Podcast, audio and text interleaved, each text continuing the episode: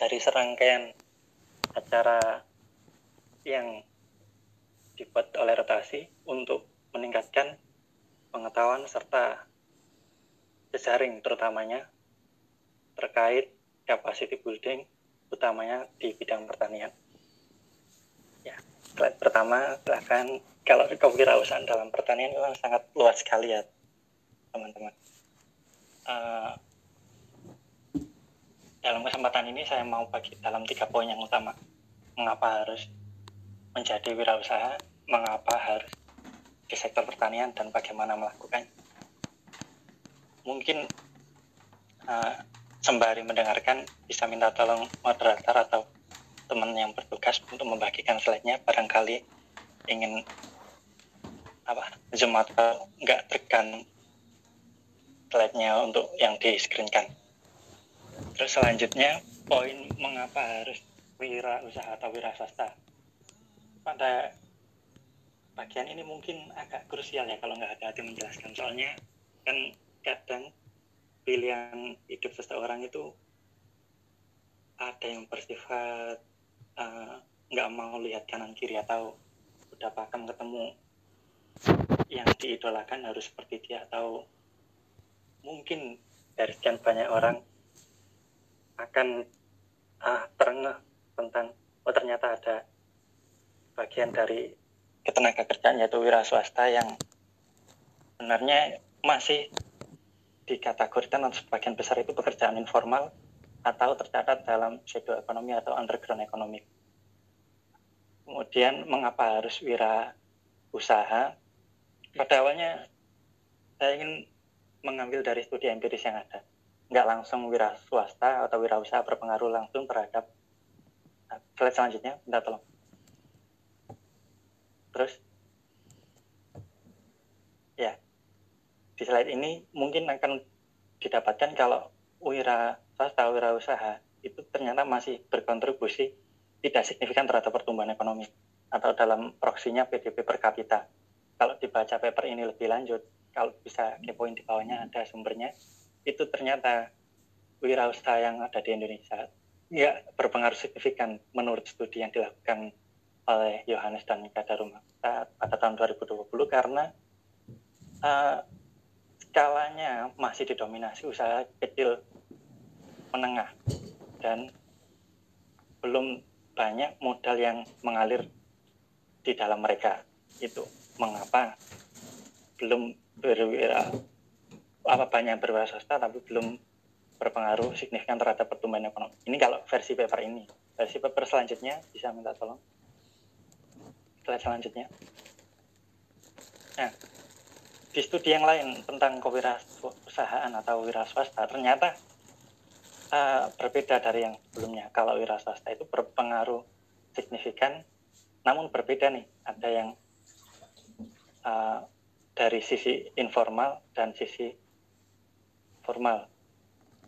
Ini bedanya ternyata yang informal malah berpengaruh negatif secara pertumbuhan ekonomi seperti yang saya katakan tadi, mengapa berpengaruh negatif? Karena kontribusinya belum tercatat, istilahnya itu pajak belum, bukan nggak mau bayar, tapi nggak tercatat, atau kegiatan-kegiatan lain yang biasanya dilakukan oleh sektor formal itu belum tercatat. Makanya banyaknya sek, apa kewirausahaan di sektor informal ini masih berkontri berkorelasi negatif terhadap pertumbuhan ekonomi. Berbeda dengan kewirausahaan yang ada di sektor formal.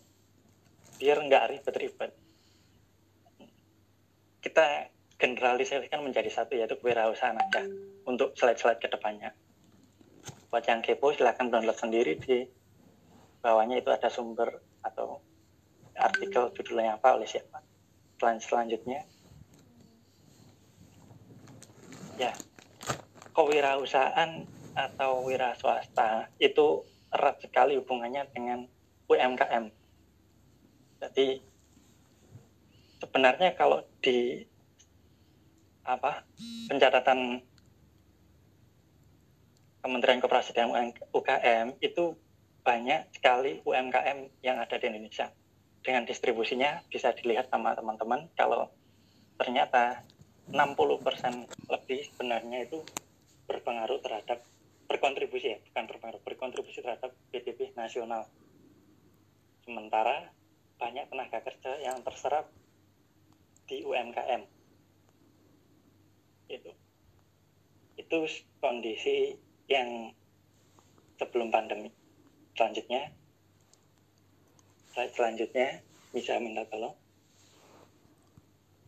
Ternyata ini kan bagian tentang mengapa harus wira swasta kalau teman-teman rasakan dan semua orang rasakan di Indonesia tentang pandemi COVID-19 ini kan memberikan exposure atau tersendiri bagi semua jenis pekerjaan yang ada di Indonesia termasuk wira swasta dan utamanya mereka sebelumnya bekerja terpaksa harus menganggur atau menjadi pekerja paruh waktu karena dibatasi oleh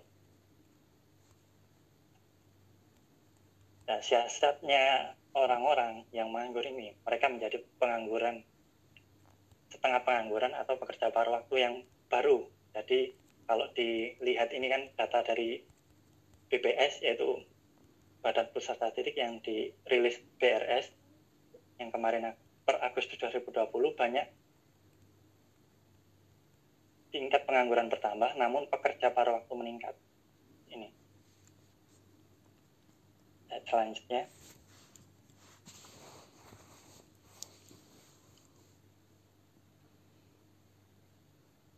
Nah, ini bisa dilihat kalau wira swasta di uh, gambarkan oleh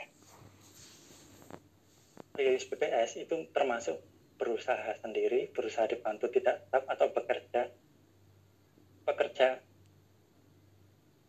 uh, berusaha sendiri, berusaha dibantu pekerja tetap dan berusaha dibantu pekerja tetap. Itu. Jadi tiga poin itu rata-rata kontribusinya mengalami kenaikan selama pandemi atau perubahan distribusinya itu selama Agustus YOY itu Agustus 2019 per Agustus 2020 itu mengalami kenaikan jadi cara apa kasaran ada orang yang berwirausaha baru atau dadakan atau beralih pekerjaan menjadi wira swasta karena kondisi pandemi ini. Itu. Selanjutnya itu lebih detail lagi kalau slide ini. Sementara banyak dari kita angkatan kerja yang menjadi karyawan pegawai juga nggak kalah lebih banyak atau distribusinya stabil tapi meningkat ke arah peningkatan yaitu orang-orang yang ingin jadi wira swasta. Itu artinya minat wira swasta orang-orang semakin tinggi mungkin karena keadaan mungkin karena peluang bisa banyak hal yang bisa mengakibatkan orang menjadi wira swasta. Selanjutnya mengapa harus di sektor pertanian? Ini menarik sekali wira sektor pertanian mengapa harus di sektor pertanian? Kalau teman-teman pernah dengan dengar teori Malthus ya uh, kasarannya itu pertumbuhan penduduk itu selalu nggak bisa ngalahin pertumbuhan dari produksi konsumsi atau penawaran dari tingkat penawaran konsumsi. Artinya wira swasta di sektor pertanian itu sebenarnya kan memenuhi kebutuhan ketahanan pangan orang banyak jadi itu permintaannya ada terus kasaran dalam bahasa ekonomi itu ada permintaan terus nih sedangkan orang-orang yang bekerja di sektor pertanian semakin sedikit. Ini dijelaskan oleh slide selanjutnya. Selanjutnya ini menggambarkan kalau sebenarnya peluangnya itu besar kalau dilihat atau mengetahui orang-orang yang bekerja di sektor pertanian. Jadi kalau di sektor pertanian menurut BPS data yang saya dapatkan itu masih meskipun banyak orang yang bekerja di sektor pertanian SDM di pertanian itu masih kurang. Artinya orang-orang yang berpendidikan tinggi atau pernah menempuh jenjang pendidikan lebih tinggi sebenarnya harusnya mempunyai kesempatan berwira swasta lebih besar di sektor pertanian.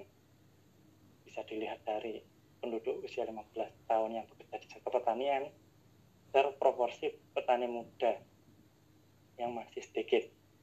Jadi yang mendominasi petani tua. Kalau yang SDM-nya muda harusnya kan peluang besar ini. Tapi sayangnya kan ini gapnya masih lebar. Jadi perlu wira swasta bukan wira swasta maksudnya perlu ketertarikan terhadap sektor pertanian yang moga-moga berujung pada wira swasta pada sektor pertanian. Selanjutnya nah ini kemarin rilis BPS tentang pertumbuhan ekonomi Indonesia per 2020 ini laju pertumbuhan kumulatif atau C2C untuk pertumbuhan ekonomi di Indonesia. Sektor sektor pertanian itu merupakan salah satu sektor yang kontribusinya masih positif. Namun tidak lebih baik daripada tahun sebelumnya bisa dilihat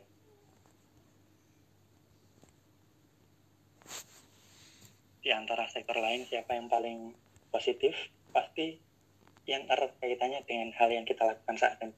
Misalkan seminar, itu kan erat hubungannya dengan informasi dan komunikasi. Kemudian sering pergi untuk cek up kesehatan atau vaksinasi, hal seperti itu kan terkait dengan sektor kesehatan. Cek selanjutnya, selanjutnya bisa menjelaskan.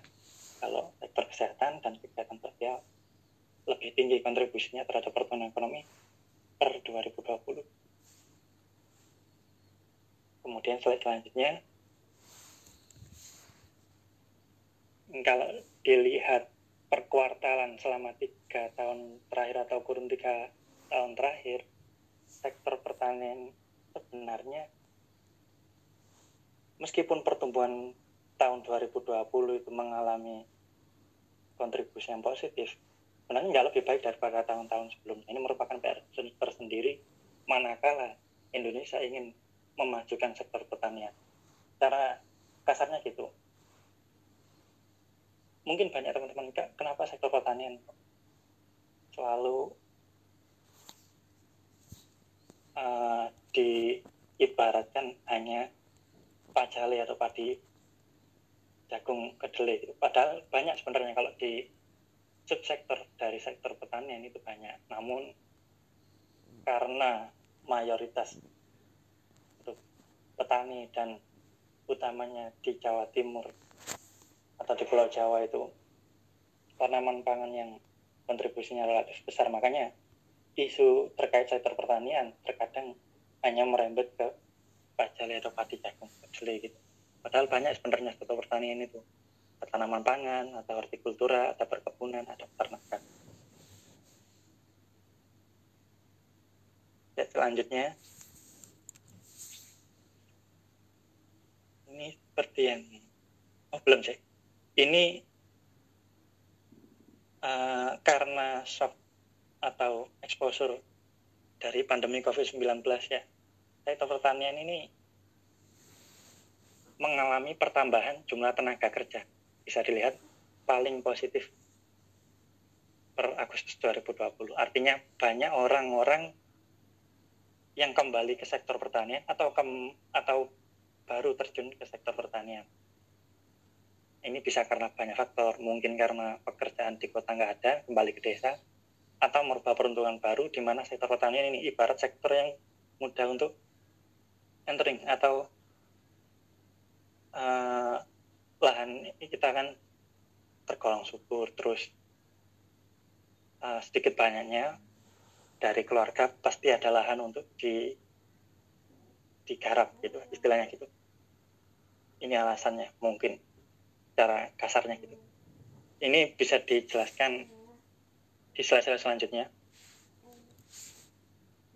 Nah slide selanjutnya ini mengerucut lagi ini ya ini kenyataannya gini jadi selama pandemi ini banyak terjadi perubahan pendapatan dan pengurangan jam kerja di hampir semua sektor yang paling mencolok itu di sektor akomodasi dan makan minum. Ini termasuk sektor pariwisata ya. Dari kalau teman-teman belajar sektor pariwisata kan akomodasi dan makan minum merupakan proksinya dan ini merupakan sektor yang terkontraksi cukup dalam terkait pendapatan dan jam kerja.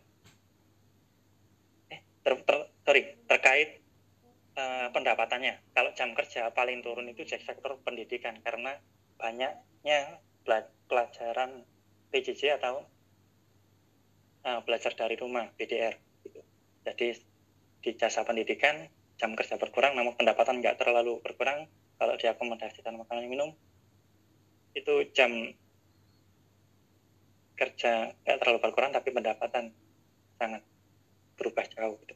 Kalau dilihat dari sektor yang kita bahas yaitu sektor pertanian itu relatif sama dengan sektor lain. Ini sebenarnya kan turunan dari dari gambaran pertumbuhan PDB tadi yang kita bahas sebelumnya itu. Selanjutnya, nah ini merupakan pendekatan lain untuk mengetahui ternyata banyak orang yang bermobilisasi atau berubah pekerjaan ke sektor pertanian. Ini pendekatan atau survei yang dilakukan oleh World Bank yang ketiga, ini round 3 atau kloter ketiga. Jadi selama kurun waktu pandemi sampai Agustus itu trackingnya itu bisa dilihat kalau dari sektor pertanian itu semakin semakin apa dari sektor pertanian ke sektor pertanian itu orang-orangnya bertambah gitu. Dari tiga sektor, industri, ser service atau jasa, kemudian agriculture atau pertanian. Gitu. Nah, agriculture remain as partial buffer and many workers switch to farm business. Artinya, uh, seperti yang saya katakan tadi, banyak orang yang tertarik ke sektor pertanian di kala pandemi ini, dan kemudian ke depannya juga nggak kala pandemi juga itu karena uh, gampang masuknya gitu. nggak nggak dalam tanda kutip nggak butuh keterampilan yang terlalu di atas kertas gitu. kemudian selanjutnya bagaimana melakukan ya ini bagian yang sangat sulit menurut saya bagaimana menjadi wira swasta di sektor pertanian. Sebenarnya, sembari selanjutnya, sebenarnya ini ini subjektif sekali ya. Jadi setiap orang itu pasti menemukan triggernya masing-masing. Bisa jadi dikatakan uh, kalau di ekonomi nanti kamu akan mengalami mismatch karena ekonomi, kemudian terjun ke sektor pertanian. Tapi itu kalau in term of mencukupi kebutuhan hidup susah saja. Artinya nggak memandang background pendidikan kemudian bekerja di apa itu nanti kamu akan nanti teman-teman akan sempat atau akan mengalaminya kalau benar-benar terjun di sektor pertanian saya selanjutnya nah ini karena kebetulan karena kebetulan saya ber gelut atau sedikit banyak sedikit banyak.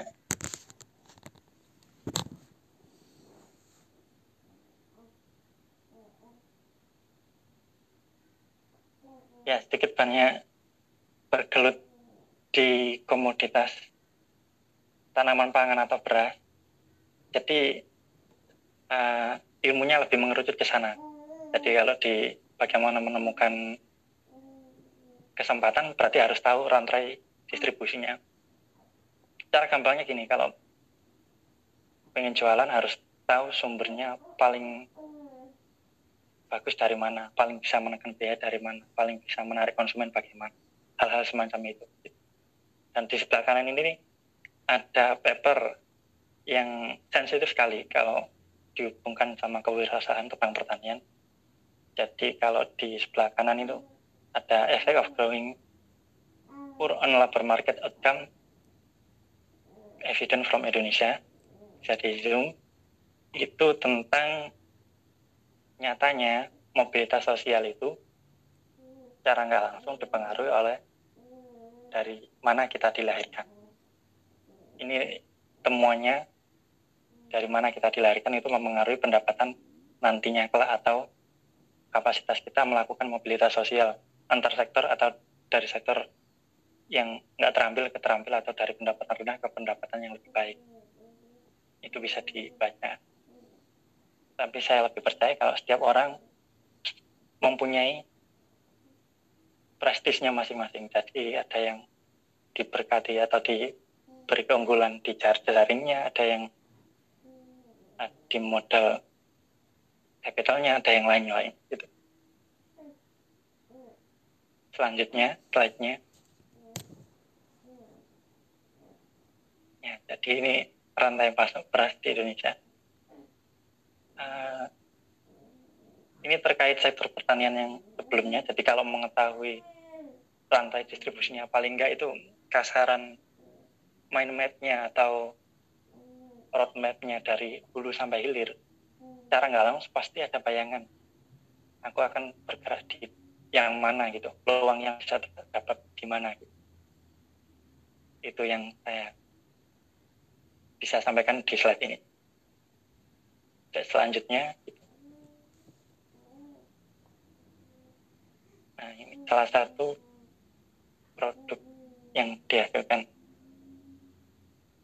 saya kan kebetulan saya saya itu wira swasta yang entrepreneur on business family artinya swasta yang berbasis keluarga. Jadi diajari orang tua bekerja sejak awal mengenal apa usaha atau mandiri.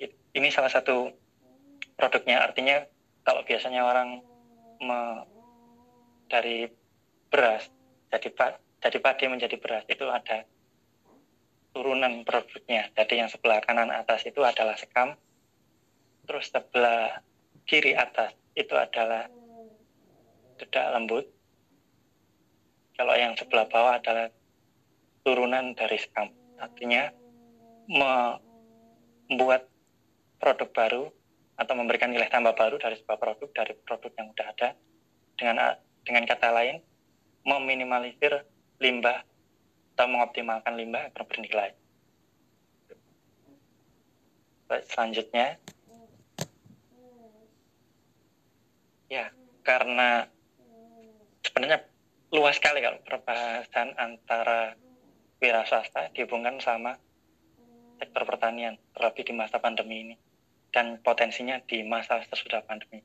Namun yang bisa saya sampaikan di slide terakhir, uh, banyak jalan yang potensi yang ke depan yang bisa kita pilih, padahal uh, karena banyaknya jalan itu semoga kita bisa memaksimalkan atau memilih oportunitas opportunity cost yang paling tepat untuk kita. Itu. Ya udah sekian. Itu yang bisa saya sampaikan kalau soal kewirausahaan atau kewirausahaan di sektor pertanian kalau ada yang tanya atau didiskusikan silakan saya kembalikan kepada moderator atau baik Oke, baik. Uh,